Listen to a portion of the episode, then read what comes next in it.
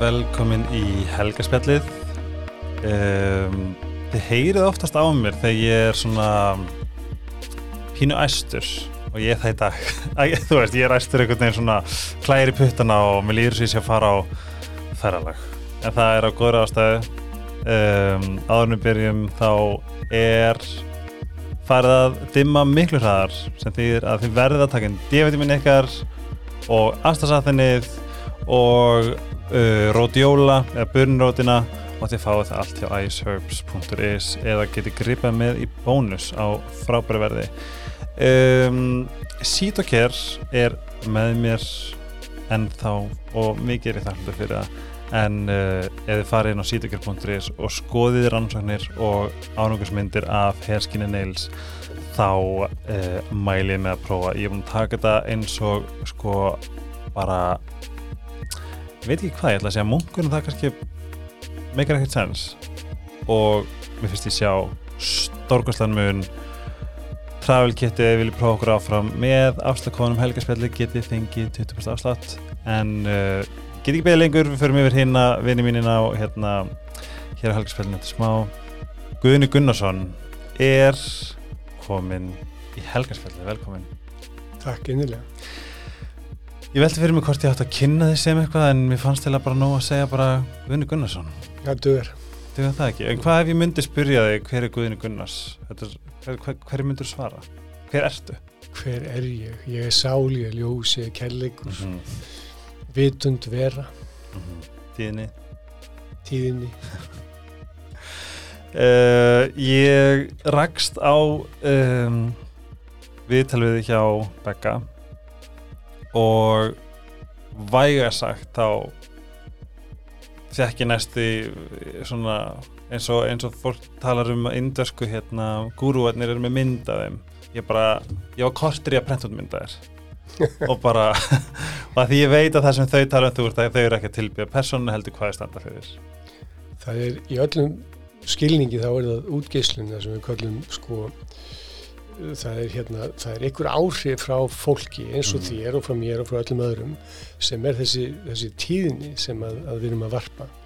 Og þessar myndir vísa í það það víst ekki neitt annað, þetta er ekki um, þetta er bara áminning um, um hugafar og vitund og hjarta. Heldur hvað það er fallegt? Uh, Áður en við förum í svona mál-máluna það var eiginlega að spyrja þig um, varðandi þína svona upplifun og kannski sko, skoðun á hvernig hvað er svolítið í gangi? Það er eldfjall það eru glæpir alveglegi glæpir sláandi fréttir. Um, hvað mynduru ef ég, ég fengi að spyrja hvað mynduru, hvað finnuru hvað, sko er umbrot og það er óvissa, það er að segja við erum búin að koma okkur í ástand ekki bara sem Ísland heldur sem veru, sem, sem þjóðir, sem nattur í þannig umbrot að, að það eru áreikstar og það er ótti sem að ræður ríkjum og, og heift og græðgi og vannmáttu sem að ræður ríkjum. En þetta eru tímabil sem við förum í gegnum og höfum alltaf gert. Við kallum þetta áreiti en þetta er vöxtur og möguleikar. Spurningin er ekki hvað er að gerast heldur hvað gerum við við það. Og á hverju einastu augnabliki þá áttu tvo möguleika. Þú getur farið í ótta sem er viðnám og það er í röndu, það er aldrei ótti nema sér viðnám og ótti er ekki til. Amerikanir segja til dæmis fear false evidence appearing real. Mm. þú verður að ímynda þér óttan þú verður að hræða þig sjálfur til að upplifa þannig að þú átt möguleika þessu breyðast við, fari í viðnám og vilja að lífið sé öðru sem það er. Eða þú getur veitt aðtegli, verið vitund, verið ljós, verið kærleikur Mm. og þar leðandi verið án þess að veita því viðnám hvað er að gerast ah. og þetta er eins og jókarnir segja, þeir segja sko sársöki er óumflýjanlegur mm en þjáningin er val -hmm. viðnámi sem þú veitir sársökan Mm -hmm. þannig við erum á þessum tímamótum og við erum alltaf á tímamótum Mm við erum alltaf við að tala um vegamót, gatnamót, tímamót -hmm. hvert einasta andatak er tímamót okay. og á þessu tímamóti þessum tímamótum þá getur þú tekið ákvörðun um að velja viðbræð eða velja að bregðast við mm -hmm. það er að segja flótti og ótti eða vitund og vera Mm -hmm. þannig að núna er, er, er komið að okkur hvað ætlum við að gera, hvernig ætlum við að að vinna með þetta ástand, þessar aðstæður jú, það er kaldar á Íslandi það er hlýra annars stað, það eru breytingar í lofslæginu, það eru rigningar sumstaðar og flóð og meðan það eru þurkar annars staðar, Mhm. þannig að við vitum það að heimurinn jörðin er líka með okkar Mhm. þú gengur um í jörðinni, hold þetta er mold Einmitt. og við höfum áhrif á jörðina eins og jörðin hefur áhrif á okkur Mhm. þannig að spurningin er hvað ætlar þú að gera? ætlar að vera ást eða ótti? Og það er svo fyndið hugsa þess að það er bara þetta tvent eða ekki? Ekkit annað, það er ekkit annað, það er bara viðnám eða aðtigli ást eða viðnám skilur þetta er svo með lutur, ekkit annað. Um, flokkast uh, hlutleysi inn í ást eða ótta það er ekki til hlutleysi. Það er ekki til hlutleysi. Nei, þú annarkvort ert eða ert ekki. Ég segi, það, það, ég er svo fein að vera búin að íta rekk núna að því að þú ert búin að segja svo margt núna áður en við byrjuðum sem ég er ennþá að melta og skoða þess namn förum bara í þetta. Ég, það sem ég forvittnast um eiginlega er í rauninni svolítið hvernig eh, hv- hvernig þú ert hér eins og ert núna upp á bæði þekkinguna þína og svo líka bara í rauninni hver fortíðin er eða hver rauninni hvaða atbyrður áttu sér stað til þess að þú fannst þessa uppakningu eða, eða öðlaðist þessa þekkingu hvernig ef við svona förum pínluti yfir tímalínuna já, ég var svo gæfuríkur að fæðast inn í tímabil og ástand sem að, að var umbrot á Íslandi ja. ég er að verða 68 ára ungur Já. og hérna þannig að ég er að, að alast upp á þeim tíma þar sem við erum að, að, eblast bæði sjárútvegi og byggingum og, infrastruktúri eða sagt uh, innri byrði eða, eða sagt kerfum Íslands. Og í mínu uppeldi eins og uppeldi allra meir og minna þá var bæði sásöki og ást. Mm -hmm.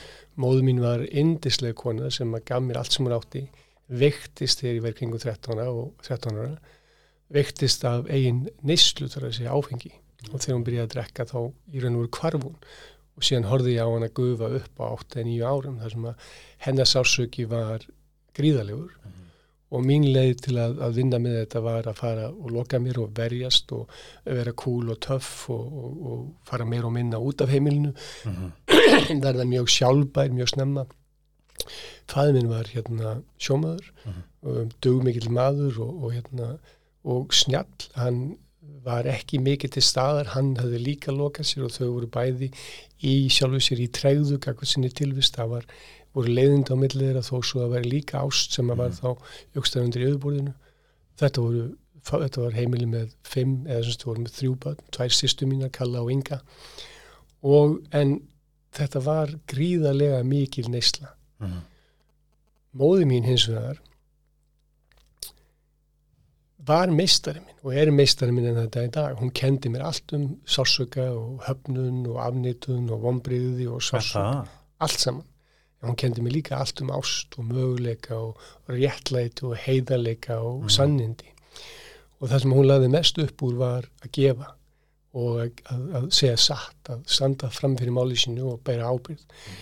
Til að byrja með í mínu sásöka í gegnum þessa, þessa, þessu, hvað ég segja, þessa, þetta uppeldi, að þá var ég líka farin út í neyslu sjálfur. Mm -hmm. Það var bara tíðarandinu sjálfur sér og ég er ekkert að réttlæta það en ég var farin að drekka og reykja og, en var loðandi hrættur Mm -hmm. út af því að ég hafði haft þetta í kringum mig, ekki bara þau heldur, allt umhverfið var loðið mettað af drikju og Mhm. neyslu á þessum tíma, sjómennir og, og sjó fiskvinnslan og bara þessi uppgangur sem átt sér stað, það flætti áfengi, sérstaklega í keflæk og keflæku flugvelli og í því umhverfi.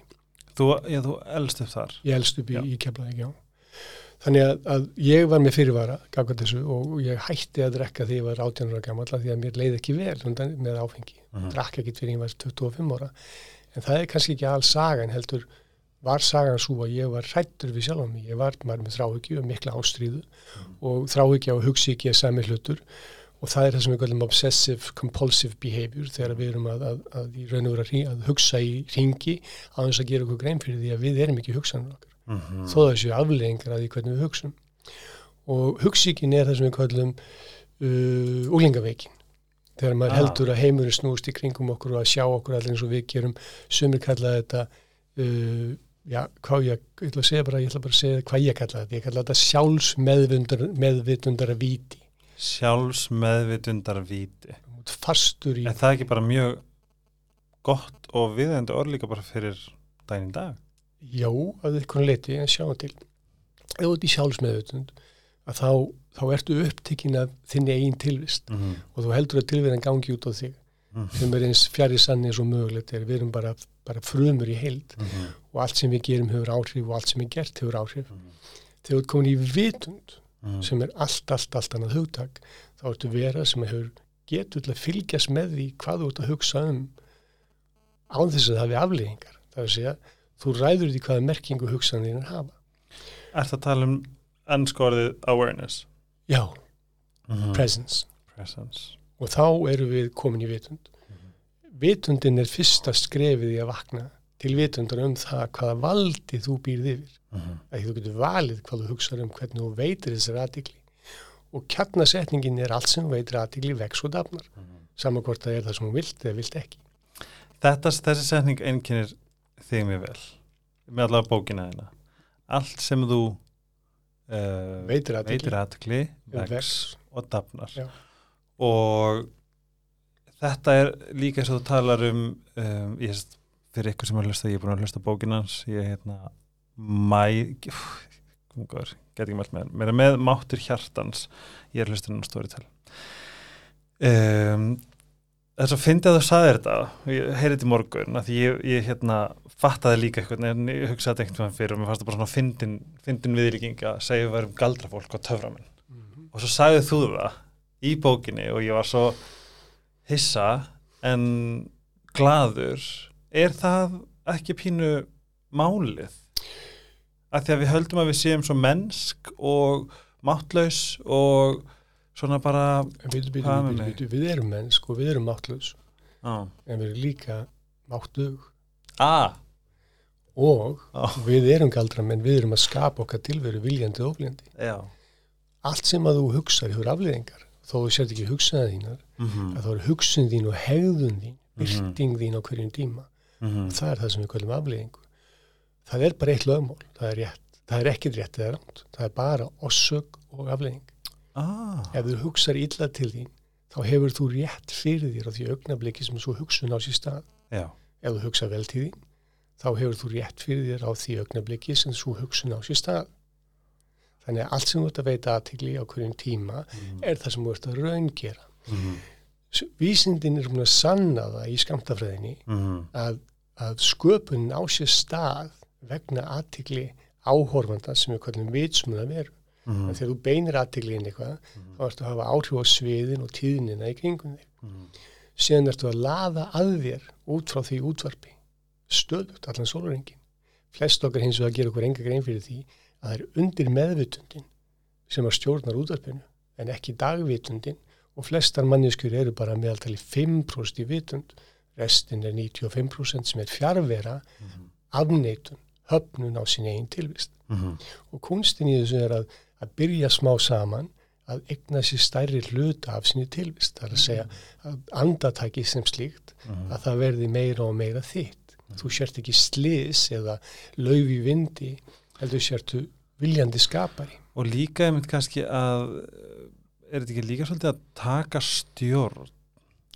Þú veist að því að ég held að bara nú er ég að hugsa til þess að sko nummer eitt, ég held að það eru ekki nóg margir sem eru meðvitar um það að við erum ekki hugsanum okkar. Og líffræðilega þá er þetta alltaf bara einhver rafbóð og sem við getum, nú, veit ég ekki, er ekki alveg en sem við getum bæði sk- búið til sjálf sem eru þessar jákvæðu hugsanir. En þau neikvæðu eru samt líka þarna. Er þetta ekki líka hvað þú velur að vera hvað þú velur að hlusta á Jú, vissulega, en svo líku sækir líkan heim og, og pappi minn sagði til dæmis eins og við vorum að tala um uh, semst hvernig ég ólst upp pappi minn aldi mig upp á, á orðatiltækjum eins og mm. eitt sem hann sagði er síndu mig viniðin og ég skal segja vitið þá var hann að tala Vá. um hugsanir og, og tónlist og, og bókmentir og ekki bara félaga mína í holdi Já. heldur allt umhverfið endurspeglar þig og að því að þú velur umhverfið sjálfur mm. þó svo að þú hafir alist upp í umhverfinu Mhm. því þú getur alltaf farið í annað umhverfi laðið það er aðra fórsendur en sjáðu til eins og þetta með að taka stjórn Mhm. við tökum enga stjórn annarkvort ertu eða ert ekki vera eða fjárvera ef þú ert, þá getur þú valið viðbröð og valdið þar lendi viljandi þinni tilvist. Ef þú ert ekki, þá getur þú bara bröðist við eins og slís þannig að þú ferð eða kemur ef þú kemur þá áttu máttugur. Ef þú ferð þá áttu máttlus Ég er svona held ég meira að spá í fyrir sko að því að, að, því að sjálfstal mm. okkar og, og rosalega marga og ungsfólks í dag er það er svo gróft og skadandi, heiftugt, heftugt. Býtu, þú segir skadandi segjum að það sé ekki skadandi segjum að, að fólk sé að þræta fyrir vannmætsinu það hefur fullan rétt á því. Þú mátt hafna þeir yfir gefið afnita og sparkiði líkjandi já, en við erum að reyna en ég er að að skoða hvernig við getum þú veist, sett þetta í orð. Getum ekki gert það fyrir þú tekur ábyrð á því. Já, það þurfa að fara í ábyrð Já, við þurfum að skoða skilur eins og þetta að, að það er alltaf verið að tala um heimilsopildi sem að, að vissulega er sárt að, að, að vita af og, og, og hlusta á. En við þurfum fyrst og fremst að skilja það að heimilsopildi á sér stað í huga þínum þú ert að beita því opbeldi frá mótn til kvölds, við erum að afnýta okkur Mhm. með meðaltali 800 til 1200 sinum á dag við erum að beita okkur harðræði við erum að segja okkur ósatt og við erum að bera okkur saman og ósangjarnar máta það er engin anstíkilegri heldur en þú í þínum eigin huga wow. tanga til þú áttar þig á því að það eru afleðingar af því hvernig þú kemur fram. Mhm. Við skiljum það að þegar við tölum við fólk út í bæ, Mhm. að ef við erum leiðileg og dónaleg og kvöss, að þá líður þessu fólk ekki vel undan okkar eigin orði og við vitum að orðið er beittar en sverð. En við erum ekki að gera okkur grein fyrir því að þessi andúð og viðbjúður í eigin garð er að kremja í okkur hjartað mm. og það er óttin sem á sér stað, angistinn sem á sér stað er vegna þess að við erum orðin óstjórn, við höfum ekki lengur stjórn á þessu hugafæri, þessum flótta, þessu, þessu anstigðu í eigin garð og við erum þar leðandi alltaf á flegi ferði aðþreyingu, Mhm. einhvers konar fjárveru þar sem við erum að drekka, borða í einhvers konar tilfellum þar sem við getum fundið eitthvað frið eða skjól undan þessu stöðu og opeldi og gaggrinni, sjálfsgaggrinni sem á sér stað.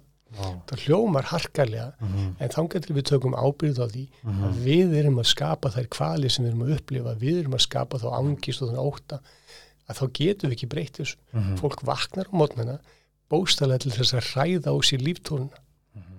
og við verðum að skilja að ef við viljum að breyta einhverju þá verðum við átt okkur á því að ef þú ert þreytur þá er það því út þreytandi ef þú ert leiður þá er það því út leiðinlegur ef þú ert hrættur þá er það því út að hræða þig en ef þú ert ást og kærleikur og umhyggja og alúð og blessun þá er það því að þú ert að blessa þína tilvist og gefa af þér til þess að geta þegið Mhm. þetta er bara ringrás þú færið það sem þú gefur en þú gefur ekki það sem þú ekki átt Mhm. og ef þú vilt breyta heiminum þá þarftu bara að breyta þér og þínu viðhorfi Mhm. þá breytist allt Er þetta samt ekki líka það sem þú talar um með að við vöknum til þess að og þá, þá byrjar í rauninni ofbeldi gegn okkur sjálfum hvað er til ráða hvað er svona á bara svona alveg svona hundraðið fyrstu bara, bara sest niður og drefur andan og, og spyrði hvort þú viljir þið eða viljir þið ekki. Á hendina þér stendur hæ helgi vinur minn. Mhm. ég segi stundum fólk sem er í ráðgjöf hjá mér gætur þú byrjað að vera vinur þinn skilur, já, skilur, og er það kannski byrjunin af því að ég veit þú hefur ekki burðið til að elska þig hvað þá heldur að vilja þig því að það getur enginn elskað sig sem vill sig ekki. Mhm.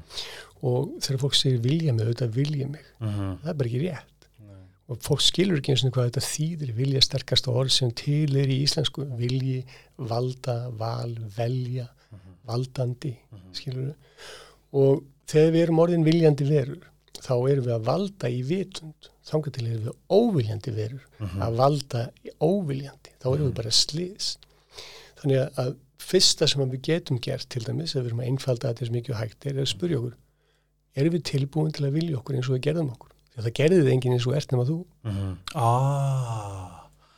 En að segja það þurr það gerði þið enginn eins og þú ert nema þú. Þínar hugsanir, þínar framkvæmdi þín neysla, þínir félagar þitt umkörfi, bjóð til þessa útgáfu að þér.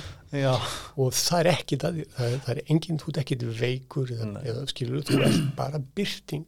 Þetta er bara forrit. Mhm. ef þú vilt velja að valda þínu lífi Mhm. í vitund Mhm. þá þarftu að vilja þig eins og þú gerðir þig. Og þaðan að búa til þá aðra byrtingu. Annað leikrit. Þetta er, svo, þetta, er, þetta er náttúrulega alveg rétt ég held að það sé ekki kannski svolítið erfitt fyrir marga að heyra. Já, sjálfsögðu er erfitt fyrir okkur að heyra sannleikan já, það er erfitt. Mm. um, en upp á svona á svona praktískum og við spyrjum okkur.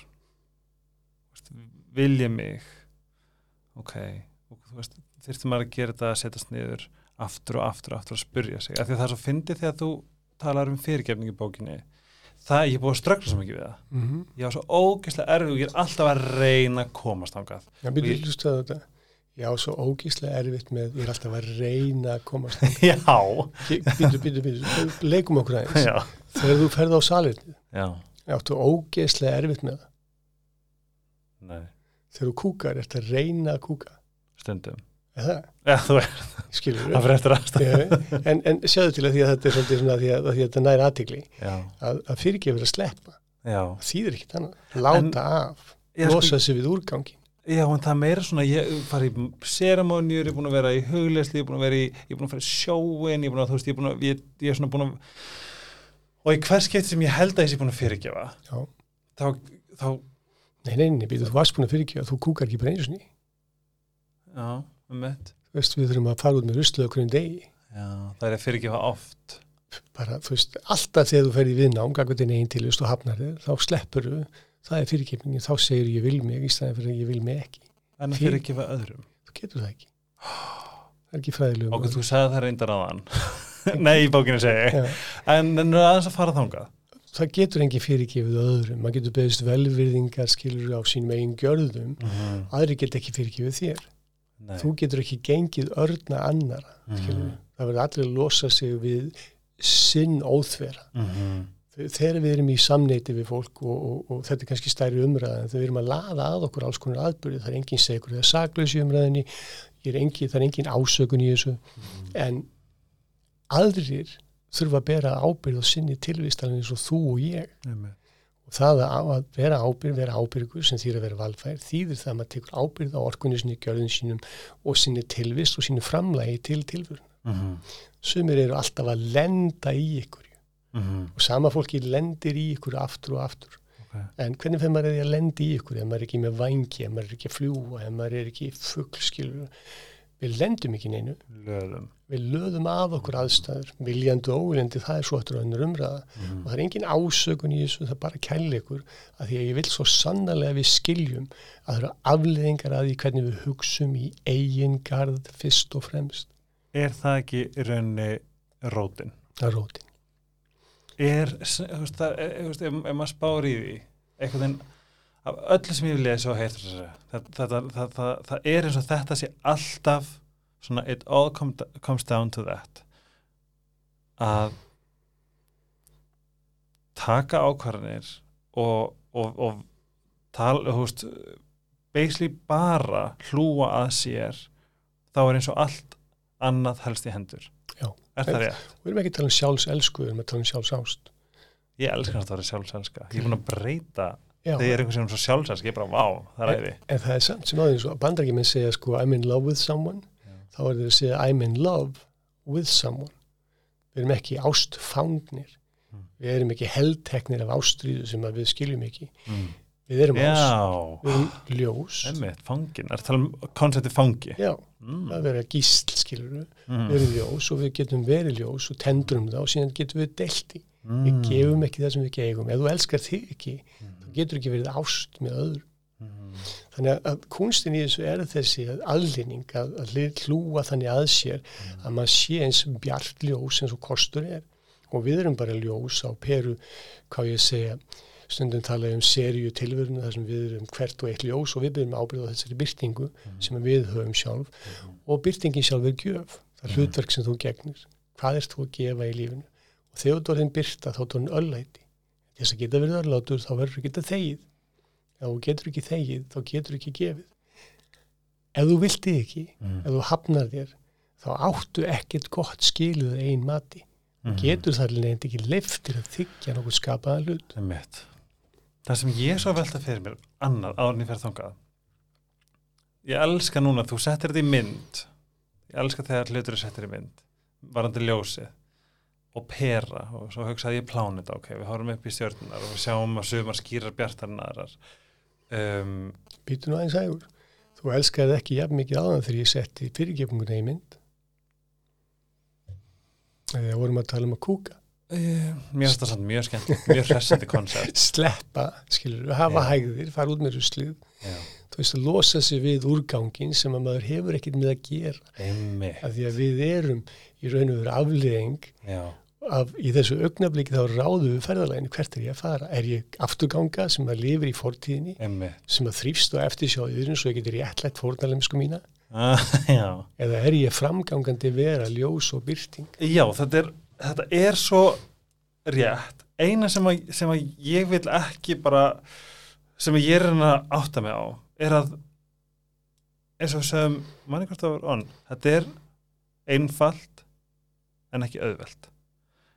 Hvernig, veist þetta, þetta er þjálfun. En það verður en, engin þjálfun eða þú mætir ekki æfingu.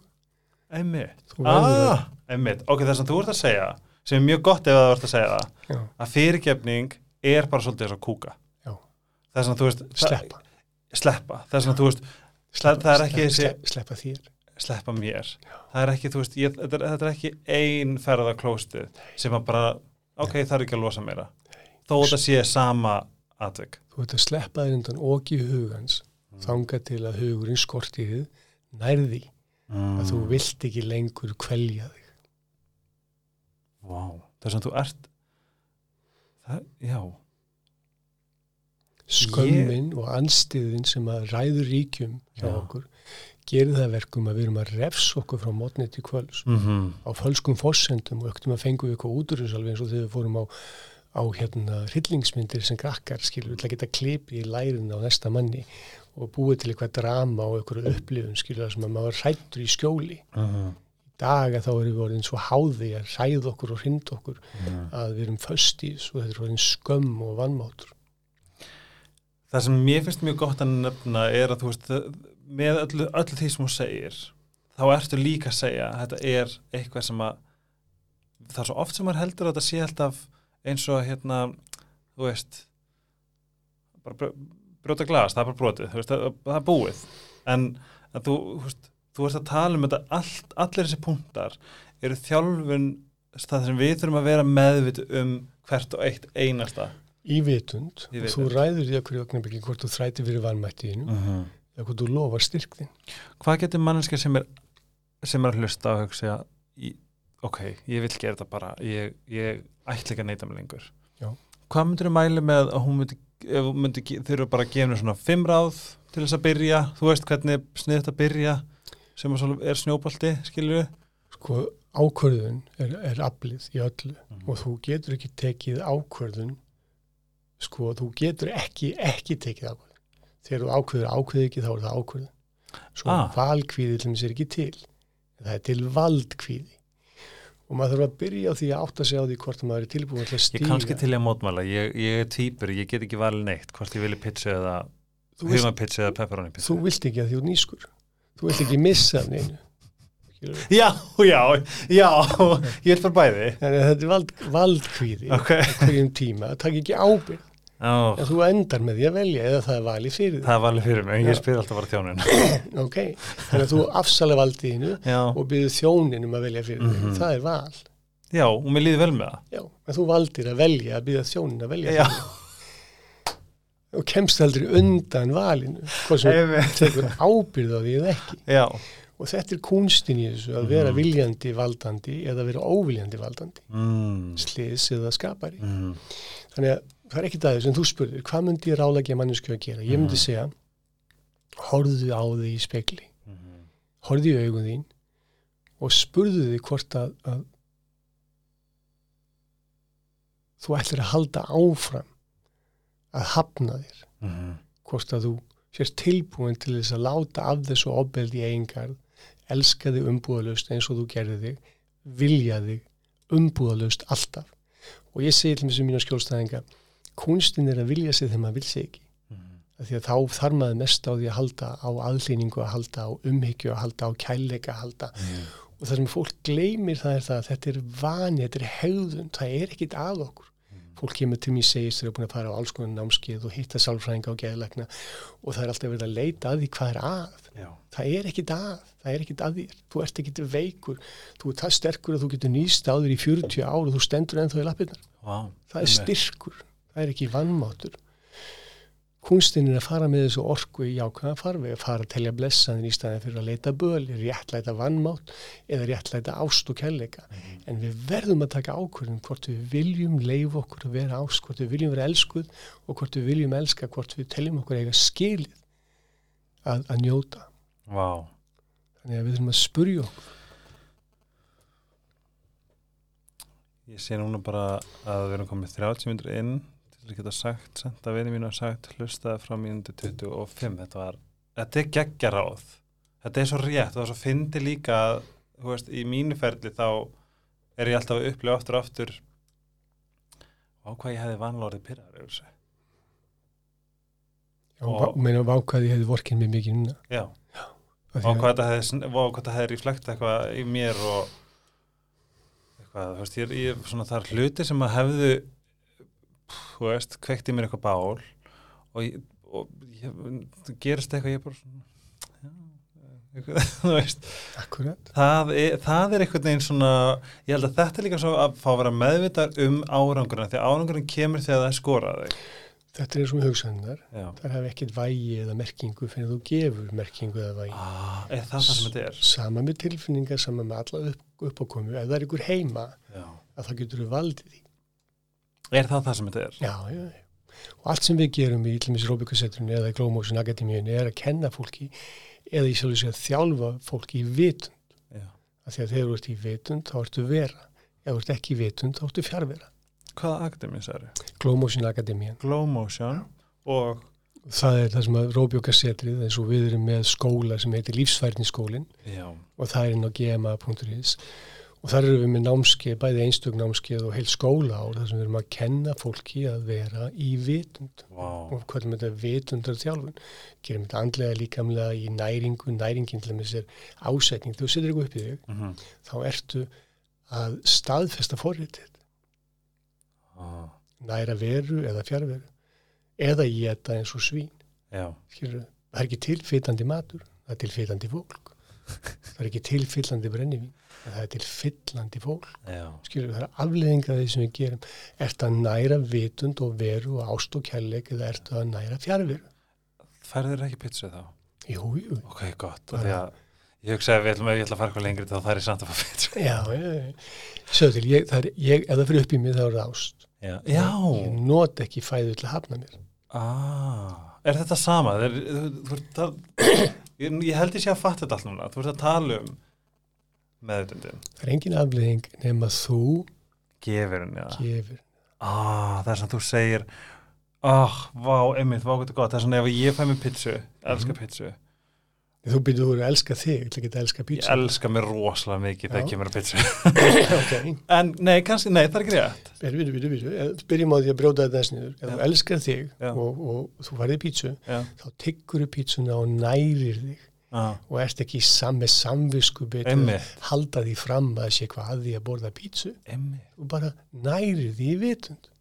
Það sem þú ert að segja basically að þetta hefur með pizzun að gera þetta hefur allt með allt með því að gera. Gera. Vissulega er mismunandi næringar innihald í fæðu. Já, eins og ég segi við mína skjólstæðinga hefur farið út í búð og beðið um tóma rafluður nei, kannast engin við það ok, en hefur farið út í búð og keift mat sem inniheldur enga lifandi næringu? Mm. að því að næring er ást, það er ljós, það er tíðni það er orka, skilur þannig að, að fæða sem er, er fesk og ný, hún inniheldur lífafl. Mm og ef það lendir rafafl fyrir þína tilvist til þess að þú getur magna þína tilvist og þitt ljós. En fæða sem inniheldur ekkert -hmm. annað en róttvarnarefni og, og, og geimsluþólsefni og skilur litarefni og, og, og drastl gerir ekkit annað heldur en að þingja og þar leðandi að rétt þetta þinn vannmátt, kakku þín einn tilvist með því að velja mat sem að inni heldur enga orku Getur mér þetta ekki stilt hugsun að þannig bara, mér finnst það ógæðislega gott, ég ætla að lega mér, bara, mm. Jú, jú, jú, en býtu, þú er að hlusta á þetta því að þú mátt alveg borða pítsu og mátt borða hvað sem er en pítsan er ekki endilega næring Nei. getur verið sælgæti, getur verið afþreying getur er verið hvað sem er með, og það er ekki daðinni Mhm. það er oft talað um það að þeir sem borða 51% hold þeir eru í fínum málum ah. en þeir sem borða 49% hold þeir eru ekki í góðum málum þannig að við erum að gera svo mikið úr þessu Mm. eina sem ég er að segja Mhm. það er orsök og afliðing þú Já. hugsar, það er afliðing að þú hugsa neikvætt eða jákvætt Einmitt. ef þú ert að næra þig, borða, setja eitthvað upp í þig ef þú ert að nota þetta hafna þér þá er það er afliðingar við, kona mín, opnuðum gló veitingastæðin gló Það er rétt. og við sögðum við og við vorum að bjóða upp á bestu fæðu sem við gátum Mhm. hugsanlega gerð fæðu sem við vorum að borða sjálf. Og þegar fólk kom til okkar þá var stemmingin svo að við vorum að næra ást og vitund og aðtigli og samveru og þar, það var ekki bara matur en heldur umhverfið sem við byggum til líka í Mhm. kringum þetta. Og ég sagði stundum við fólk ef þú kemur hingað inn og ert reyður eða vannmáttugur og borðar í hugsanleysi þá ertu að nota bestu fálu næringu til að reyra, næra vannmátt og reyði Til þess að svona, svona, Nei, til þess að gera mönnum grein fyrir því Já. að það ástand sem er ríkjandi þegar þú innbyrðir Mm. er það ástand sem þú ert að næra. ah, Ef þú ert í ást og þakklætu og kælileika gaggar pítsunni, já. þá tyggur hennar og nýtur hennar og þá, Mhm. þá meldir líka með þetta allt örfís og finnur öll næringarefni Mhm. sem að, að eiga við í því en skóla svo bara restin út. Einmitt. Þetta er, er eins og við viljum ekki skilja það að við erum skapari, við erum í raun og veru guðir í okkar einn tilvist. Þú ert að búa þig til og viðhalda þér með þínum hugsunum og þínni næringu og þínni kvíld og þínni nánd og þínni fjárveru. Allt sem þú gerur hefur afleðingar. Það er ekki rétt eða ránt. Það er bara orsök og afleðing. Þú mátt verja þínu lífi eins og þú vilt. Það er afleðingar. Vá. 37 myndir. Þetta var, þetta er svo rétt. Ég, ég er að fá bara svona, en þá spyrir þig, hvernig ertu, spurning er þessi, ég er hann að móta það. Ertu, að, nærðu alltaf að halda þessum fókus? Nei. Bara góðan dög. Nei, nei, ég er meira og minna, ég er alla daga í vitund, svo, svo gleymi ég mér, Já. en ég yfirgef mig ekki. Ah. Þannig ég fer ekkert. Ég upplifi viðnám og, og vannmátt stundum og efa, þá veit ég að ég er þreyttur og þá nota ég það til að hlúa að mér í staðin fyrir að hafna mér. Hvernig þá? Ja, til dæmis með því að horfa á einhverju vittlis í sjónvarpunni Já, eða taka einn fá mér blund eða fara í göngutúr eða skilur bara að gera eitthvað Mhm. sem að fer með aðteglum þangað sem ég vil. Ég ætlum sem er bæn sem ég nota mikið sem er það sem við kallum Ho'oponopono og það er bæn sem kemur frá Hawaii og mér finnst hún svo falleg. Hún er svona á ennsku I'm sorry, please forgive me, Thank you. thank you. Þessi, ég glemdi það fyrsta er I love you. I'm sorry, please forgive me, thank you. Og ég geri þetta, ef ég finn fyrir ykkur vanmættið efa, þá ger ég þetta. Stundum að þá ger ég bara, já, en ég vil þið samt. Mm -hmm. Ertu sérst að fara með þessa bæna því ég lærði þessa líka rétt Mhm. eftir þessi skildi uh, Er það að segja við þig? Já, já, engan annan. Þú getur ekkert sagt eða, eða skilur þú, þegar ég segja I love you, þá byrjaði ég að segja ég elska þig og ég vil. Við þig? sorry, já, já, já, við mig, við hjarta mér. Já. Svo segi ég I'm sorry, það sem ég byrst velviðingar á þessari hegðun hvað þér kunni. Mm. Og svo kemur fyrirgeðu mér, endilega fyrirgeðu mér. Mm. Og svo kemur thank you, takka þið fyrir að, að, að ofinbera fyrir mér þessa hegðun til þess að ég geti haft áhrif á hana. Vá. Ég, ég saði nú íslensku takk fyrir ekki að ég elska þig. Já, En þá held ég, þannig var ég ekki, vissi ég ekki hvað, vissi ég ekki hvað, þú veist, sama leiti hvað ábyrð er. Þetta var fyrir þig bara, ef þið langar í. Þetta var ekki þarna, take on. hérna, um, þegar ég vissi ekki hvað ábyrð var, þá held ég að ég væri að segja þetta við einhvern annan, einhvern staðar annar staðar. Nei, þá er maður orðin fórnalamb. Já, og þá þá svona yfirgaf ég hann svolítið, en Já. núna því þú sagðir þetta, þá, skil, þá skil ég þetta. Takk fyrir ekki, elska þig. Já, við verðum að, að, að skilja að, að öll okkar tilvist, að segja, það sem er við erum að upplifa okkur um tíma, Mm -hmm. að við byrjum ábyrða því. Það er alveg saman hvað gerist eða er gert við því, þú ber samt ábyrða því hvernig þú tólkar það, hvernig þú upplifir það og hvað þú gerir við það. Það er stór tíðindi fyrir okkur baðunnendur en það er komið nýtt frá Dr. Teals. Ég ætla að segja F-orðið en ég er að vera pró. Það er hemp seed oil eða cannabis sativa. Ilmurinn er unaslegur, ég er búin að nota þetta svo ógeðslega mikið sem þetta koma út. Það er eitthvað við að liggja í baði og hlusta á jókutónlist og bara það er svo mikið lífskeið ef þið eigi baði yfir höfuð prófið, takkið þessum pásu frá börnunum, makanum, hundinum kettinum hvað svo sem þið eruð, eða bara frá þú veist, frá, frá því að vera ekki í baði og farið í bað og prófið. Uh, ef þið eru með svona, svona höfustút ég, sem ég hags, próf, ef þið getur stilt svona þannig að það sé bara svona pff, það er ekki að gefa út í búbluna þannig. Það er komið uh, hemp seed oil saltið og búblubæðið þetta er til í Livju, Hagkaup Líf og heilsu, öllum þessum helstu verslunum. Prófið þetta og þið mig þetta hvað ykkur finnst að því ég elska þetta. E, það er þriðdagur við erum að taka þátt upp einn dag sem e, er ekki flókið, það er þriðdags tilbúð á Dominos. Pitsur eru snild og það er enda meira snild að skipta pitsurni í helming þegar að velja á og þá líður mér alltaf þessi sem er sex álustendir thank me later. Höldum áfram með guðuna tjóðan geggjaðar. En ego Mm. hvar, hvar nummer eitt, ef ég fæði spyrja í, þínu orðum, hvað er ego og hvernig managerar þínu egoi? Sko, það er, það er, þetta er spurning sem er gróð gríðarlega síkild en það sem að, að ég kalla ego er skortdýrið.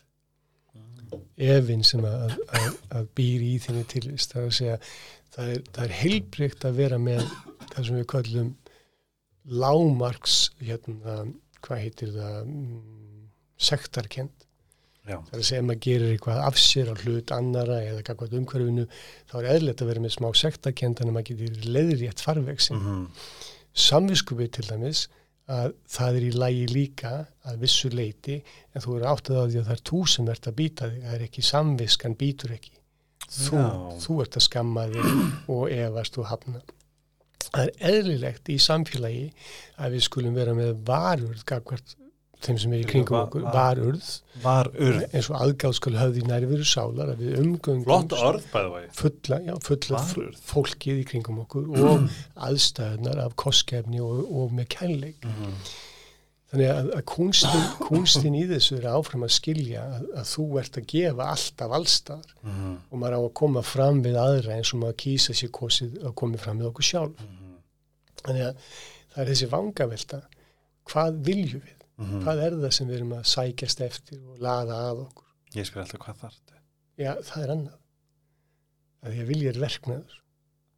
Ekki löngun eða von eða þörf, Þörf, eða, mm. eða, eða, eða skilur vöndun. Á ég breyta því hvað vil ég? Hvað vil ég? Ú, Hvað vil ég? það hljómar er svo gott manifest. Já. Hverju ætla ég að valda? Að þú þarfst að taka ábyrg sjálfur Já, á því bæði hvað þú vilt já. og hvernig þú veldur því. Og þú getur ekki tekið ábyrg því hvað þú vilt og hvernig þú veldur því nema þú viljir þig. Ah. Þannig að þetta er allt svona Bóðskapur þessa podcast er storkslur. Ég mæli með því sem er að hlusta, hlusti aftur. Af því að ég veit að ég, ég, ég skil þetta er svolítið mikið en rótin. Rótin er að þú ræður því hvort þú hafnar þér eða Já. vilt þig, Já. hvort þú elskar þig og, og sýnir þér umhyggju og virðingu og þar leðandi öllum öðrum á sama tíma. Þú gefur ekki það sem ekki átt. Ef þú hafnar þér, þá hafnar öðrum. Ef þú hafnar þér, þá býstu við því að verða hafnað. En það er ekki hægt að hafna þér. Þú verður að gera það sjálfur. Vá hvað það er samt stórt. Það er nefnilega rétt hjá þér. Að því að sko í svona með, það sem ég er alltaf mikið að vinna með er að sem að þú líka nefndir í bókinni bæði þið verða að lesa bók hérna, hvað er hún til allstaðar? Hún á að vera til allstað eða, og kannski ekki því að þá er það gott að hún selta og Já. hún selst upp. En hún á á að vera til í Ok. okay. bókamóðum. Já, já. Um, Eða hjá okkur á RES, það er að segja á Róbíkusetrinu. Rópjókasetrið Já, bara rufs.is rufs.is Ég er að lesta upp, ég er að skrifa þetta neyru og lesta upp, það er ykkur sem er að lesta um,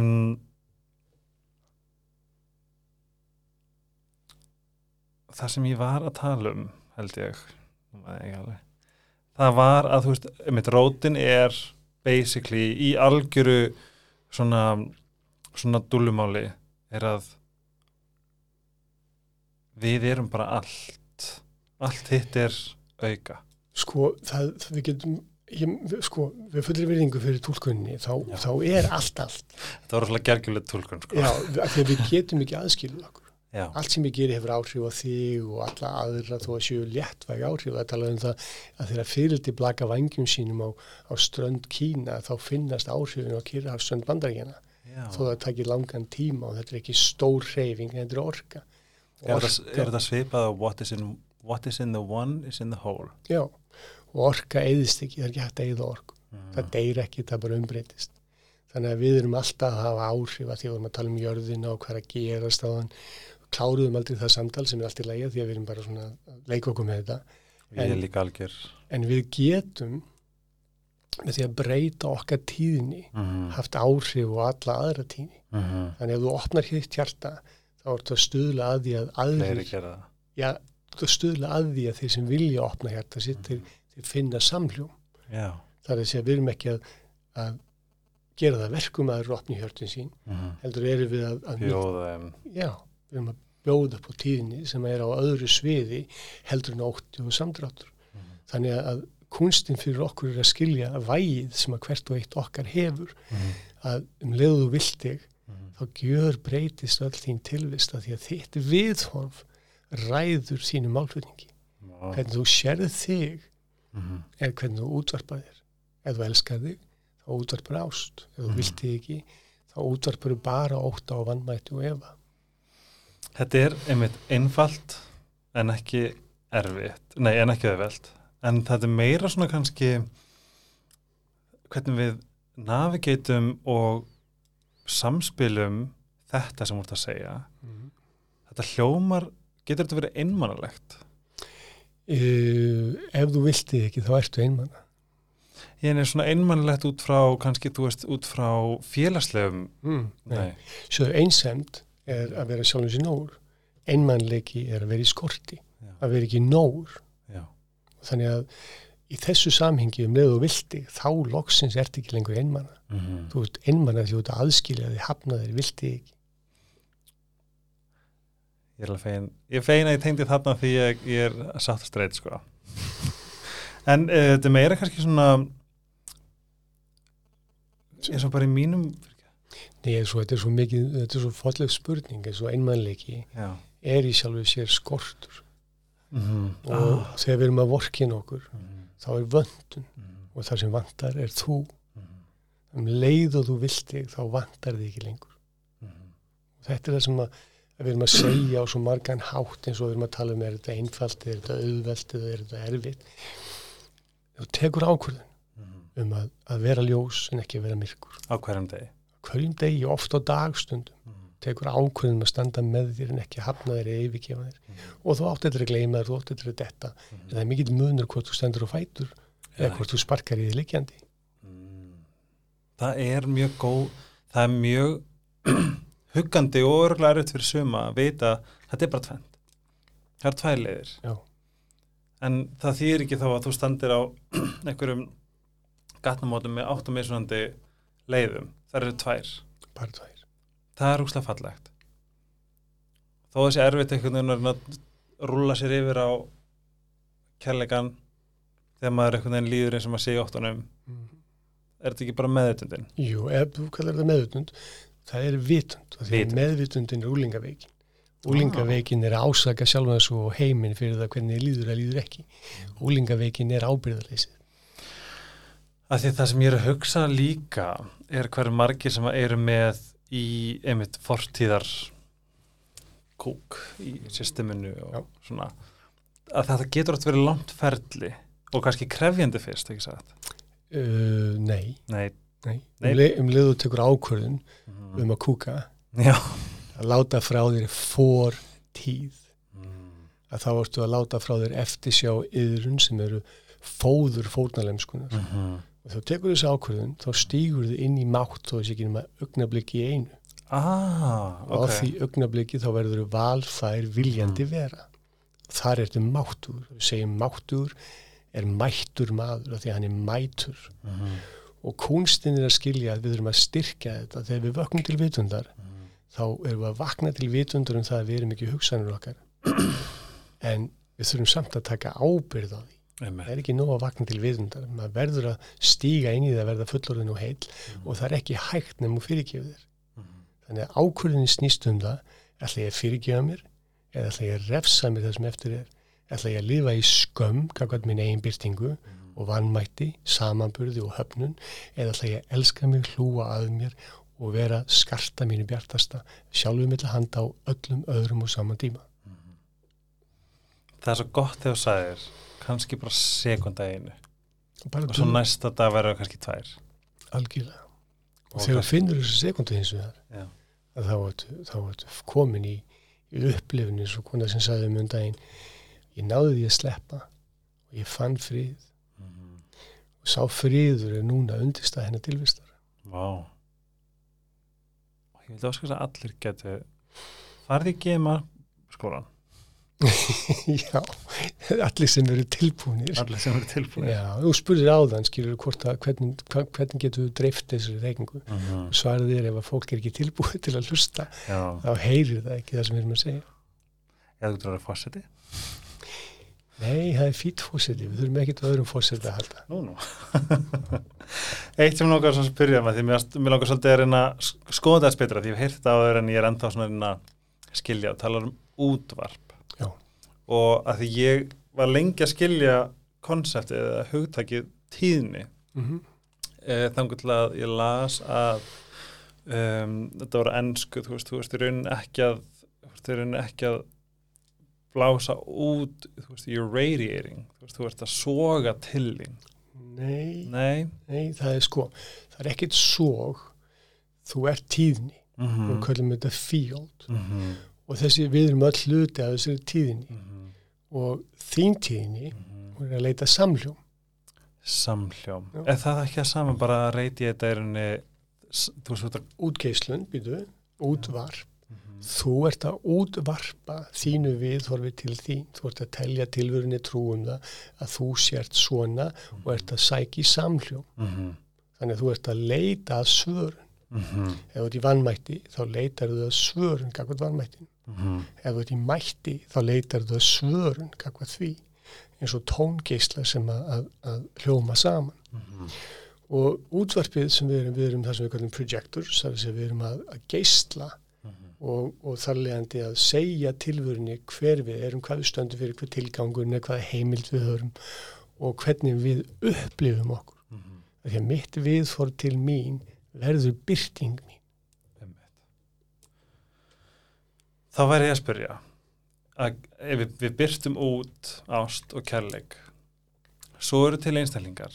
Og þá erum við kannski að tala um kannski sem að e, eru svona svona einhver, einhver, einhver svona siðblindurofi sem að reyti sem að varpa út kannski rosalega stóru egoi einhvers konar ég á allt skil. Eða, veist, það sem, hver er línan millir þess að vera uh, eins og bara svona ég og þú og Sigga og svona, eitthvað svona fó- fólki okkar sem að er að um, finna í sér og þeim sem eru í sjálfshatri í rauninni en ná að varpa út það eru þessir ég ætla ekki að segja siðbreytingar en þú veist hvert ég er að Já, fara en býtu, ef líku sækir líkan heim þá sér þetta um sjálfsig.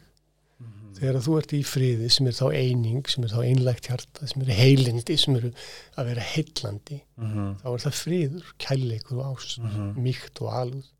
Þú tvílæg vera, Mhm. þá ertu í sjálfuð sér, það sem við kallum við svo indjáðinni segja, you speak with a forked tongue, sem því það að þú er tvöföldur Ah. og, og þú ert, þá ertu ekki, lifir ekki sannindum, þú ert huglæg vera sem er þá dofin og, eða sem er tvískipt Mhm. Og þá er orkað þín alltaf í ófriðið, óta, vannmætti og þú ert alltaf að halda upp ykkur síningu til að, ég vil að stela sviðinu til að ræða fólkin í vitund og það Einmitt. og ef þú ferði áskipt af þessu Mhm. að þá er eitthvað í þér, eitthvað vannmáttur í þér sem heillast af þessari byrtingu Mhm. og þá þarftu að taka ábyrð á því en svo pappi saði, síndu mig vinina, ég skal segja vitið Mhm. Við erum oft erum við í félagskap eða umhverfi sem við höfum laðast að en svo breytast fórsendunar okkar og við höfum ekki lengur þörf fyrir þenni félagskap mm -hmm. og þegar ég segi síndi með vinniðina, sko ég segja vitið, þá eru félagar og kunningar ekki vinnir þannig að við erum að umganga sluti og við sínum okkur í, í þáttöku, við erum í íþróttum, við erum í, í eitulífum, við erum í neyslu, við erum í, í skátastarfi, hvert sækjum við? Mhm. Hvað er það sem við sækjum í? Hvað er það sem við viljum gera? Hvaða, hver er til og með stitt framlag? Hver, hvaða hlutverki gegnir þú í lífinu? Hver er þinn tilgangur? Hvernig ætlar þú að deila þínu ljósi? Ég spyr Ég, til dæmis, skilur við, að að við þurfum að hugsa þetta líka út frá okkur þegar við erum að að tala um þessa hluti, þá verðum við að gera okkur einn fyrir því að það er ekki Nei. það er allt eins og það á að vera, allt eins og við gerðum það og við getum farið í viðnám eða samanburð eða dóm og, og bent á þá og bent á hinn og þessi svona, þessi síðblindur og þessi gerði hitt og þetta. Í sjálfu sér getur ekki talað um nýtt annað en sjálfa þig og þegar ég tala illum aðra menn Mhm. þá er ég að nota nöfn andra manna alltaf og ofnbæra minn eigin vannmátt Mhm. ég get ekki talað illum aðra, ég get bara talað illum mig. Þegar ég dæmi aðra þá er eitt putti fram og þrý tilbaka. Já, þannig að ég er að vísa á minn vannmátt til að ofnbæra og dæma eða nota nöfn andra manna til þess að, að, að ofnbæra minn skilur hugsunagang Þið sem eru að hlusta, prófa að benda verið benda þig. Já, og benda þrýr, þá benda automatist þrýr puttu tilbaka. Það var gott ef við gerðum þetta. Uh, en segjum ef, ég ef, ég, ef við værum bara ef væri bara heimsókn og hérna, vil kaffi, já, kaffi. Myndi ég segja bara, og ég myndi spyrja, hvað finnst þér um Donald Trump, það sem er í gangi. Mér finnst Donald Trump bara stórgóðslega manniska ég, ég, hérna, ég er ekki hlindur hans málflutningi eða hans Mhm. hegðun en þessi maður er búin að ná alveg ofbúslega miklum áhrifum og völdum í samhljóm með þjóð sem er eins í raun og verið eins og hann og þetta er bara eins og Hitler á sín tíma þetta eru, eru tímar þar sem að svona manneskjur komast upp á yfirborðið og við verðum að bera ábyrð á okkar hlutild í Donald Hvernig þá? Já, hvað finnst okkur um Donald? Er það ekki það sem okkur finnst um okkur? Nei, Nú, er það? já, hvað Ég er bara hrættu við hann Já. Ég er bara hrættu við henni hver, hvers konar En getur þú verið hrættur á hans að hræða þig? Já, þú meinar Eða þú ert að nota Donald til að hræða þig? En er hægt að taka allt svona í sátt? Það, þetta, þetta skilur við. Þú spyrir hvort þessi að taka það í sátt. Það er bara ásöku aflegging. Mhm. Ef mér stendur ógna Donald Trump, að þá er ég að nota Donald Trump til að búa til ógn. Já, Þú veist, ég, ég, ég sé þennan mann, ég hef búið í bandaríkjum, bjóð í bandaríkjum í 16 ár, ég var að koma frá bandaríkjum eftir tækja mánuða dvöl já, og þessi maður er að hafa gríðarlega áhrif á samfélagið en samfélagið er að búa til Donald Trump. já. Það eru átök í bandaríkjum sem er alveg einstök og, og, og ég veit ekki hver þetta endar Mhm. en þetta, það er á mörgum borgarstýraldar, ástandið þarna og það er annarkvort ertu demokrati eða þú er republikani skilur og ef þú ætlar að vera til friðis þá segir ekki orð, þá ertu bara Mhm. En það er ekki takt að vinna þessu orðræðu menn eru heftýr Mhm. og það greinir gríðarlega á hvort þú ert það sem er frálslindur eða hvort þú ert konservativ eða, eða hérna hvað ég segja, Haldsamur íhalsam og þetta er orðin trúabröð svo blandast Mhm. mm trúabröðin inn í þetta Mhm. og heiftin og vannmátturinn og uppgjörin sem eiga sér staðna Mhm. að þau eru á háu stíi, mikill háaði og ég treysti því að þetta finni farveg en ef þú tekur afstöðu að þá ertu farin Mhm. Hvernig það?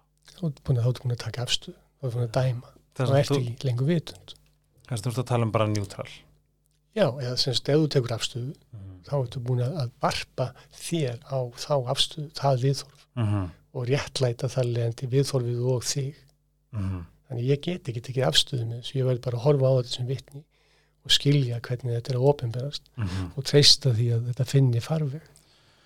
Að því held svona það sem að ég hef verið að spá já, svona spyr, spyrs mig, þú veist og, og svo sem miðla áfram í rauninni að þú veist að við þurfum að, þurfum að eh, fyrst og fremst umkringja okkur fólk sem að sem að næra okkur og eh, já, búndur en það er einmitt líka svona það er svo, mér finnst það er svo stór partur að, að þegar maður hefur einhvern veginn fest í neti Býtu, að því að þú segir fest í neti, lífið er svolítið merkilegt, það er eins og kongulófiður Einmitt.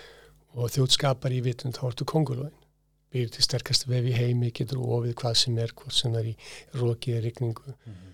og svo er tilgangu vefsins að, að, að, að remma flugur. Mm -hmm.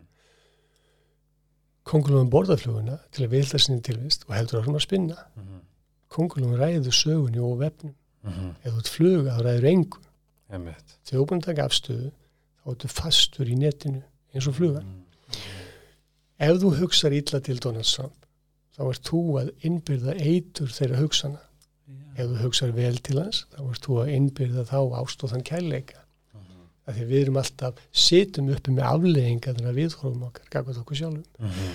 ég er ekki réttlæta hans tilvist Nei. og ég réttlæti aldrei ofbeldi eða ósannindi eða óheðalega en við verðum að skilja að tilverðin á rétt á sér eins og hún er að byrtast mm -hmm. hvort sem er eldfjöld eða, eða jarðskjáltar eða Donald Trump eða Putin eða skiljiði mm. og, og þá þurfum við að skilja eru við í ást og kærleik eins og Dalai Lama til dæmis mm -hmm. eða eru við í afstöðum og dómum og heift og höfnum hvernig getum við þjóna tilverðinni best? Gerum við það með einleikni og kærleik og nánt og alúð eða gerum við það með dómum og höfnun og hatri og, og ábendingum og ádil Ég held bara, svona í, í rauninni, eh, kannski ekki já, ég myndi kannski svona frá mínu perspektífi, kannski ekki dómum heldur meira svolítið svona þegar ég, ég veist, maður mað verður einstu svona tryggraður af einhver sem hefur gerst í fortíðinni eða eitthvað sem, að, sem þú vilt bara ekki að verði því partur á raunveruleikunum þá ertu kannski í resistans Já, og drefur álítanir Það sem ég veit er ég veit ekkert og þetta sjónarspil sem við fáum að, að horfa inn í að hluta til þetta er allt meira og minna það sem einhvern veginn raunveruleika sjó. Mm -hmm. eða, eða skilur þetta er svona við vitum svo lítið að, að það næri næ yngri átt í sjálf mm -hmm. en um leið og við erum farin að taka afstöður þá erum við búin að kaupa þá erum við komin í áskrift. Mm -hmm. og það er það sem ég vil forðast er að vera að taka afstöður eða að dæma. En mér má líka og mislíka. Mhm. Ok, það má. Já, þá ætla ég að gera það líka. Já, ég, hérna, hann er sagt, þessi maður, hans hegðun er ekki neinu samræmi við það sem að ég til eðlilegt, en það þýr ekki í dæman Nei, þetta er mislíkar hann. Mislíkar hegðun Hegðun og ég þekki hann ekki Já, nákvæmlega. Trú ekki að við glemt að spyrja hvað stjórnmækjastu? Ég spurði ekki. Ah. Trú skoður stjórnmækjar? Nei ég ger það ekki en ég leik með, með þetta og er, semst, í umræðinu en, en mm. kona mín er, er, er meiri, hvað ég segja uh, já, spekingur. spekingur í þessu heldur en ég en, en hérna, það er, það er eitthvað í þessu en, en ég hef ekki ég hef ekki lagt mér mikið fram um að, mm. að skilja það Hvernig myndur þú lýsa góðum degi? Ja, núna, eins og við erum að þetta er góðu dagur En slæmum? Draga andan, það er einhver slæmi dagar það er eins og það er ekkit, ekkit slæmt eða gott við, það er bara misjaflega klætt fólk mm -hmm. og þessar aðstæðu sem að við erum að upplifa svo, það er engin þjáning mm -hmm. í þinni tilvist nema þú stu valdinni ah. þannig að, að góðu dagur, slæmu dagur það er bara viðþorf og ef það er góðu dagur þá ert þú góður, ef það er slæmu dagur þá ert þú slæmur mm -hmm. þannig að skilur þetta svona hvað sjáum við fyrir okkur í bókinu þannig að þú ert ekki komin í kabla 5 þá tala ég um að sjá fyrir sér mm -hmm. þegar maður er vitni þá er maður í vitund þá sér maður fyrir sér sem að því er what you see is what you get mm -hmm. en þá sér þið líka við þér mm -hmm. að þú ert vitni og þú sér til þín þannig að þú ert orðin sjáandi í þinni tilvist sem er vitni en ekki dómari eða gaggrínandi eða böðl mm -hmm. heldur ertu kærleiku sem ert stöðut að hlúa að því að því ljóskiði verið sem bjartast. Mm -hmm. þannig að hvernig getur þá verið slæmu dagur? Emmeit Segir einhvern mann helvitis fucking fuck það kemur fyrir að því að strákurinn minn hérna átjónur og gammal, hann segir, segir endar ekki háið en ég segi fuck, fuck shit fuck hann segir fuck shit fuck stundum og þá segir ég já fuck shit fuck en nei, ég blóta mjög lítið sára sjaldan um, það er engin ástæða til þess að vera blóta það er að segja að það er fyrir mér þá flytjum við mál mm -hmm. og málið er gríðarlega magnað útvarp að því að þú heyrir ef þú hlustar, ef þú ert í vitund hvaðan fólk er að koma og hvert það er að fara með því hvernig það bæði rattíðinni Mhm. og svo orðaval og setningar, samsetningar að það ofinbera sig allir í orði. Mhm. Ú, og orður álög. Þú, við getum sagt að orðsjö álög sem að þú ert að leggja á þig, sagan sem þú viðhaldur um þína tilvist er fjötratni sem að, að eða frelsið sem að þú upplifir. Hver er vonin þín? Hvar, hvern, þú veist, horfandi fram á við eða, eða segjum bara næstu hundra ár eða hvað, hvað, svona, hvað hver, hver er vonin þín? Ég von ekki. Já, það er rétt, ég veit það nefnilega. Ég, ég, er búin, að hlusta það. Von er hvað? Von er væl. Von er hvað? Stundum er von það eina sem er að því að við erum orðin svo gjössamlega aðþrengd að eigin tilvist. Við erum Mhm. búin að murka úr okkur lífið og koma okkur í aðstæður þar sem að það er ekkert eða lítið sem ekkert ljós og þá Mhm. tölum við um von. Mhm. En þú getur líka treyst sem er að styrkja Mhm. og þú getur viljað sem er að valda. Ef þú vonar þá er það svolítið eins og maður sé að býða eftir einhverjum, afgöngum, Mhm. að sleppa fyrir hotni eða hvað sem við kallum þetta, eins og það er ekki til sko hefni en það er til gæfa og ógæfa. En þú ert þína gæfismiður eða ógæfismiður. Mhm. Þannig að við þurfum ykkur stöðar að taka ábyrð á því hverju við erum að valda, viljandi eða óviljandi. Ég er að treysta því að við sem að stíga inn í fallegasta tíma bilvankinsögunar Vá. og það er þessi tækni, þessi, þessi skilningur okkar á því hvernig við erum að, að, að bjaga eða byrta okkar tilvist, hvernig við erum að, að þræta fyrir vannmættu okkar eða styrk, að við sem að byrja að skilja kraftin og, og, og kraftaverki sem að heilin og hugsunin og svo hjartað er sem stýrir þessu eða á að stýra þessu. Ég er að sjá fyrir mér að það sem að sumir kalla artificial intelligence sem er gerfi greind er ekki til, það er bara til greind svo við hvernig hún er notuð og við ætlum að nota hana í þá og mannkinsins til þess að, að, að ofinbera styrk okkar og, og stöðla að heilun, ekki lækningum heldur heilun Mhm. og við erum að sjá fyrir okkur möguleika þar sem að við erum að skilja þessi áhrif hugans á all stefni, alla tilvist, allan anda og ná utanum það líka að það er engin aðskilna, það er bara andi, það er bara ást, Mhm. það er bara ljós og svo minna ljós. Það er alltaf verið að tala um ljós og myrkur en það er ekki tilneitt myrkur. Þú verður að búa til samdrátt til að upplifa það. Mhm. Ljósið er alltaf allstaðar og þetta er það sem við erum að byrja að skilja og koma inn í vitund. Menn eins og þú með svona umræðu til dæmis eru að hafa áhrif á þessa byrtingu. Við ráðum því hvernig næstu hundra áður verða. Við Mm. þurfum ekki að vona, Mm. Við treystum. treysta, styrkja. Um, datt ég nú misti þetta ég haf með rosalega góða spurningu uh, hún kemur til mín. Já uh, corruption. Mm á íslensku er spilling. Já, hún er óneitanlega partur af narratífinu. Hvað hvað hugsaðið ef ég segi spilling? Það er engi spil. það er Það er bara kaup og sala. Já. það er það sem við kallum einlægni og heiðarleiki og svo óheiðarleiki og, og, en menn eru út um allan bæ að, að vestla með eitthvað og svo spurningum hver er gjaldmiðlinn mm, og þannig að, að ef þú selur sáliðina þá kemur sár og að setja uppi með það, það er afleðingar mm, en þessi það sem við kallum spilling eða siðblinda, þetta er allt hugtök sem við búum til að því við viljum að fólk sé öðruvísi en það er, mm, en við erum dýr mm, og það er grimd og það er græðki og það er vannmáttur og það er fjárvera sem að stjórnar fullt af fólki. Mm, og það er það sem við kallum normið. Svo spurningum hversu vel fólk er klætt, það er að segja hvernig það getur umgengist óheðarleika eða, eða hvað ég segja, óprútni. En það er engin spilling, það er svo, það er brosug aflegging og það þurfa allir að sita uppi með, með, með sitt viðþór til sín út af sinni hegðun og framlægi. mm, Ef þú ert heiðarlegur, þá líður þér vel og ert í friði. Ef þú ert óheðarlegur, þá líður þér aldrei vel. Þú getur aldrei öðlast heimild til þess að njóta velsældar ef þú ert óheðarlegur. Það er ekki hægt. þetta orð Þú getur öðlast peninga og ég vil ykkur völd en þú getur aldrei öðlast velsæld.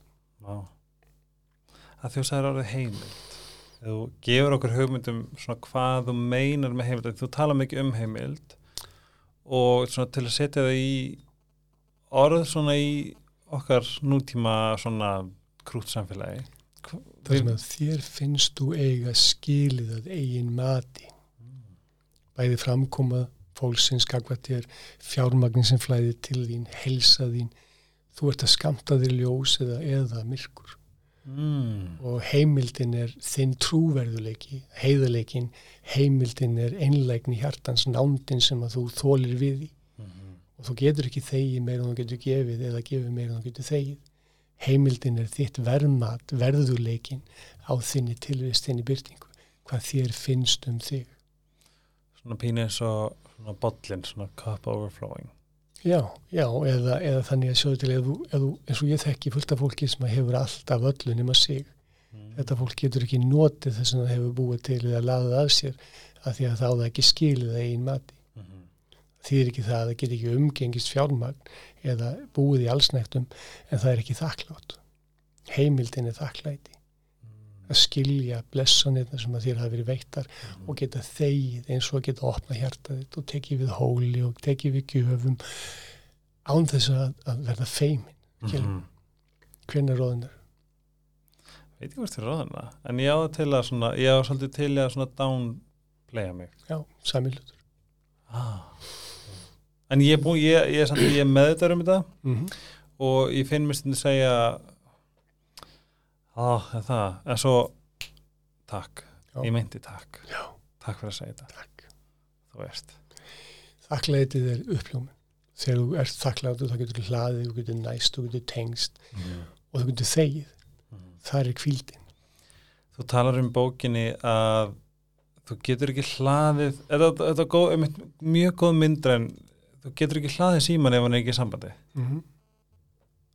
þú getur ekki hlaðið þig eða kvílst ef þú ert ekki þakkláttur Já. og er ekki sambandi svolítið bara taklandi Jú, sambandið er að, að skilja að við erum verur og þegar þú ert í vitund með almættinu sem er ljósið, sem er allt, alltaf allstaðar, mm þá getur þú verið eitt með, þú ert ekki lengur aðskilja þig. -hmm. Vanþaklæti er að vilja ekki tilvörun, að vilja ekki sig, vilja ekki það sem er. Vanþaklæti er frekja, eins og streyta er frekja, viðnám, gagvert þér, þinni byrtingu, tilvörunni eins og hún er og þar lendu höfnun. En ef við förum aðeins í svona um, að þú, þú talar um í bókinni að þú hafur farið í það sem við myndum kalla þetta kulnun. Já, ég veit ekki hvort að ég hef farið í kulnun. Nei, þú sagðir það sem við myndum kalla þetta kulnun. Já, þegar, maður, þegar maður missir hérna, hvað heitir það, áhugan eða lífsklampan, þegar maður missir í sjálfu sér uh, sko tilgangin sinn, mm -hmm. að þá er maður allt í einu týndur Hvar finnum við tilgangina? í hjartanu. Tilgangurinn er í sjálfu sér hlutverki sem þú gegnir, gjöfin sem er það ljós sem að því skín, hlutverk, tilgangur er hlutverk, það er ekki markmið, en það er kjölfesta hamingunar. Ef að þú hefur ekki neitt sem þú ert að vinna að daglega sem að er þá, það getur verið að alveg börnið þín, það getur verið að njóta lífsins, það getur verið hvað sem er, en það verður að hafa þannig tilgang að að deila því. Það er ekki, það er gjöf, tilgangurinn er gjöf, það sem þú gefur að þér, tilgangurinn er allir öllleiti, hvernig þú lætur ljósið skína. Og þá öðru, tilgangur er alltaf ljós, það er engin áhengi, ef um leið okkur með tilgangur þá er það orðið markmið Já, að tilgangurinn er í raun og veru hlutverki sem þú gegnir í þessu lífi. vá sem er greinlega og, eh, daglegur Það getur markvægt. Bara föður, ég er fadir, ég er einmaður, ég er, er lífsrákjafi, ég er, er vera manneskja og ég gegni tilgangi, minn aðal tilgangur er að vilja mig, Mhm. umbúðalust og vera fordæmi í minni tilvist, ekki fyrir aðra, heldur fyrir sjálf mig.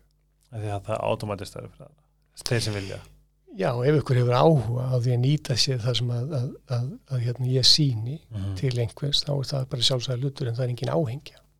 Það er mjög fallegt að hugsa til þess að þú, þú gerir þetta fyrir þig fyrst og fremst og ef einhver annar nýtir góðs að því þá er það bara plús Já, ég, ég get ekki gefið það sem ég ekki á. mm. Ef ég er ekki tilbúin til að, að vera þetta fordæmi, vera það, Mhm. að þá er það ekki lengur fordæmi. Þá er það, Eitt sem að ég heyriði hjá annarkvort Snorra eða Begga að er að hvort, að, hvort er henni hugmyndið þínar sem að, sem að hljóma alls ekki drastiskar eða, eða, eða meiðandi hafa verið augrandi Það eru, já, það er, það er ég, ég mér, ég er augrandi, ég er augrandi í máli, ég hvet fólk til að taka ábyrðu sinni tilvist, ég ásaka engan en fólk upplifur ásökun mm. þegar það vil ekki taka ábyrð og þetta, þessi málflutningur hann er mjög markvis og en á sama tíma sko, hann er mjúkur, kellisíkur og það er ekkit sem vaki fyrir mér annað heldur en að, hjálpa fólki sem er vill í sjálfu sér, breyta um við og gagga sjálfu sér. En, en fólki finnst þetta að vera stundum svolítið svona Árás. Já, eða kannski, ég veit ekki hvort að árás segjum nótum frekar orðið augrun Augrun, já, já Augrun við þeirra tilvist, augrun við þeirra ásýnd af tilverunni skilur eins og allir sem ásaka aðra sem eru þá fórnalömb í eigin tilvist mm -hmm. að þeim finnst þetta eins og langt gengið að halda því fram að þeir byrja ábyrðu sinni upplifun sem dæmi. Þeim finnst það mikið? Já, mikið lóskóta. Æ, mér finnst það bara fallegt. Það er fallegt að, að ég er að segja að þú ert valdið, þú ert kraftaverkið þinni tilvist ef þú vilt það en það er ekki allir sem eru tilbúin til að heyra það. Ég segi alltaf að þú ert máturinn og dýrið. Já. Það er lífið. Já. Algjörlega. En sögðu til, Já. er máttur eða þú ert ekki mættur? Mm, þú, þú, Ef þú ert mátturinn og dýrið í þín lífi, já. þá verður að vera mættur í þína tilvist. Mm. Þú getur og en það vera. Já, já, já, það skilur hvað ég meina. Þetta, þetta er svo magnað að það er að vera eða vera ekki, að vilja sig eða vilja sig ekki. Mm -hmm. Að þú ert í sjálfu sér að, að ofinbera þitt við og þína veru eða þína fjárveru. Mm -hmm. Og það er engin máttur í fjárverunni. Það er engin máttur, já, það er engin máttur í fjárverðinni. Og við nefnum það aftur að þetta er náttúrulega í rauninni langhlaup. Þetta er andatak fyrir andatak. Hvað, hvað, akkur þetta hlaupa? Já, já, Akkur ekki bara, akkur ekki bara labba? já, eða, eða standa og vera. Já, þetta segi, þetta er bara, ég, ég hlakkar svo til að hlusta þetta aftur og eins og ég er að hlusta bókina hérna en ég ætla að kaupa hana og ég ætla að fá að nóta niður af því að það er svo fyndi eftir 34 mínútur var ég bara eitthvað svona það, það kom svo mikið af efni sem ég langar að skoða og þetta er máttur hjartans máttur hugans Nei, fyrsta bókin er Máttur Viljans. viljans Já, og svo kemur Máttur Hjartans. Uh, reyndar kom Máttur Aðtíklinar, fyrir ekki Máttur, hjá, með, fyrst er Máttur Viljans, svo kemur Máttur Aðtíklinar. Tvö. Og já, svo kemur Máttur Hjartans, svo kemur Máttur Þakklæts. mm. Og þar á undan fyrsta bókin heitir Heilrækt. Þannig að þetta eru svona, þetta eru fimm bækur. Er, hvað átturu augnablík sem þú fatta er já ok, ég þarf ég þarf eitthvað að skoða þetta svona þetta stóra var eitthvað svona big bang þér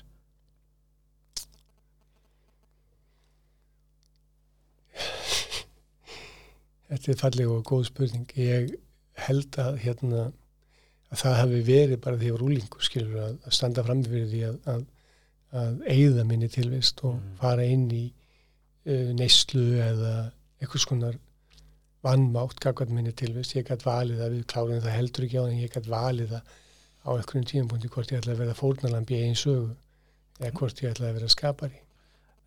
þarfst ekki að vera frekar tilf með háa tilflingagrein til þess að átta þig á því svona ungur og sérstaklega þessum tíma mitt umhverfi að það, það hjálpaði mér að, að, ná þeim þroska mjög snemma. Ég þurfti að þurfti að, að, vakna, ég þurfti að, að taka ábyrð og, og ég var skýtlóðandi hættuði sjálf mig. já, Bara, ég var bara ástriðið mikill og ég var prakkari og ég var óbylgjarn og þar sem myndi gott om og ég stóð fram fyrir því að, að þessi hegðun myndi leiða mig hingað mm. en, en önnur hegðun myndi leiða mig annað. Mm. Þannig ég varð að gjöra svolítið að girða upp um mig og, og taka ákvörðinu um það hvert ég var að fara, hvert ég stemdi Mm. og það er það sem ég gerði og hérna ég vissi það að, að heilnæmni og, og æfingar og gott mataræði og fallegar hugsanir myndu leiða með annað heldur en órói og, og vannmáttur og ásakanir og móðu mín hún þessi kjarni minna tilvistar að, að hún kendi mér þetta að heiðaleikin er farvegurinn er alveg sama hvað þú stendur fram fyrir segðu satt Ég er alltaf, ég er alltaf að mantra til mín að lifa í sannleikunum. Er það ekki að sama? jú, það er sami hlutur og það er einlegt hjarta Mm. engar afstöður, engin dómur, bara heilindi Er það ekki mikilvægt? það er, þú, ef þú ætlar að vera ljós þá er það ljós því að ég, ég svona upplifu marga í kringum sem að eru hrættur um að vera dæmdir, hrættur um hvað er að segja, hvað, þú veist, er það ekki að lifa í óheðalega? þú ert ekki trættur um hvað það er að segja þú ert trættur um hvernig þú upplifir hvað það er að segja hvernig þú tólkar það og ef þú trúir því, ef ég segi þú dasni Já. þá hefur þetta ekkit vægin um þú trúir því Ah. við erum ekkit hrættir við hvað það er að segja við erum hrættir við hvernig við tólkum hvað það er að segja þegar við erum búum í vannmætti Þetta var góð setning. Þú getur sagt ég sé astni, en það þýðir ekkert nema ég sjálfur trúi því. Já. Wow. það er engin að tala ítlum aðra við erum alltaf að tala ítlum okkur sjálf og nota nöfna annara til þess við getum bara ofinberið okkur okkar viðþór til okkar, okkar vannmátt Wow. Það er óslega rétt. Pínu hars. alls ekki, miklu meira felsi gættu orðaðina Já, ég segast að þetta er svona, þetta er svona, þetta er pínu svona hars raunveruleika, þetta er, svo, þetta er rétt, Mhm. skilju, þetta er, þetta er líka, þetta er líka frábært, þetta er mjög gott svona endurprogram að verunni að, og valdeflandi. Já, og, og takt eftir þessu með orðið heilandi, Já. heillandi, heill, eining.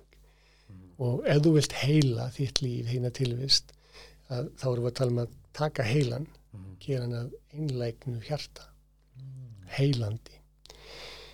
Og að því að heilakvelin eru tvö, það eru tvær afstöðu, dómar, gaggrinni, viðhorf, skilur þau, Mm. en hjarta er einlægt. Mm.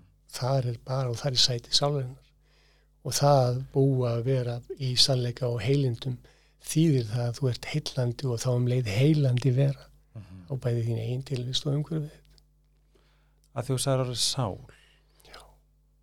hvað, hvernig tólkar það sálina? sálin er ljósið ljósið í sem að í þér er og öllum öðrum. Og þín sál er bara byrting og svo ertu hold eða holdgerfingur þannig að líka með þinn, svo ertu með heila og líffæri og aðra fórsendur en þú ert bara með lánaða jörð sem þú gengur um í. Mm. en sáliðin er eilíf ljósið, kærleikurinn er eilíft. Og þá þú ert fyrst og fremst sál. Spurði mig hvað ég væri ég er sál, ég er ljós, ég er byrting. Mm. Og ég ræð byrtingunni með mínu viðþorfi hvað minni tilvist Mm. ef ég er í vitund þá skil ég það að hugsanir mínir hafa ekkit vægið að gildin en ég veit það ef ég er ekki í vitund að þá hef ég ekki þá skan skilning Ég kallar það stundum flæði, vitund og flæði, getur það verið svipað? já, flæði er sem við kallum being in the zone til Já. dæmis, að vera í núinu, vera í vitund Mm -hmm. að þá, þá er ekkit viðnám flæði er viðnáms leysi flæði þýðir aðtikli vitund Þetta er einhvern tímann úrflæði. já, já, já Ok. það ger ég Ok. en eins og ég sagði það þá gleymi ég mér Já. en ég yfirkem mig ekki Einmitt. þannig um leið og ég fer eða gleymi mér þá finn ég munin að því að flæðið mingar. Þá er ég í vannmætti einhverjum það er ekki að vera djúft en það er eitthvað svona sjálfsvorkun Mm -hmm. og viðnám eða evi og þá veit ég samlutur, við getum kallað þetta hvað sem er Já. það kemur bara viðnám Já, veðna. þá ertu komin í efa og þá ertu komin í já, þá ertu komin, þá ertu farin Mm þetta og þá ertu fann að efast um þína byrtingu og þína tilvist og þína tilgang og þína fórsendur og þá veit ég að ég er þreyttur af því ég er búin að þreyta mig og þá þarf ég kvíld og ég þarf að stoppa, draga andan vökva mig og sinna og kvíla og næra og komin í þakklæti því að því ef ég er fjarverandi þá er ég van þakklátur Mm. fjarvera er van þakklæti á meðan að vera er þakklát Ef þú ættir að gefa eitt ráð, svo lokin, hvað væri það? viljaði Vilja það er ekkert mikilvægur heldur en að vilja þig. Ef þú vilti, þá veldur þig. Ef þú vilti ekki, þá ertu valdlaus. Vilja þig. Velja þig, vilja þig. Velja þig, vilja þig.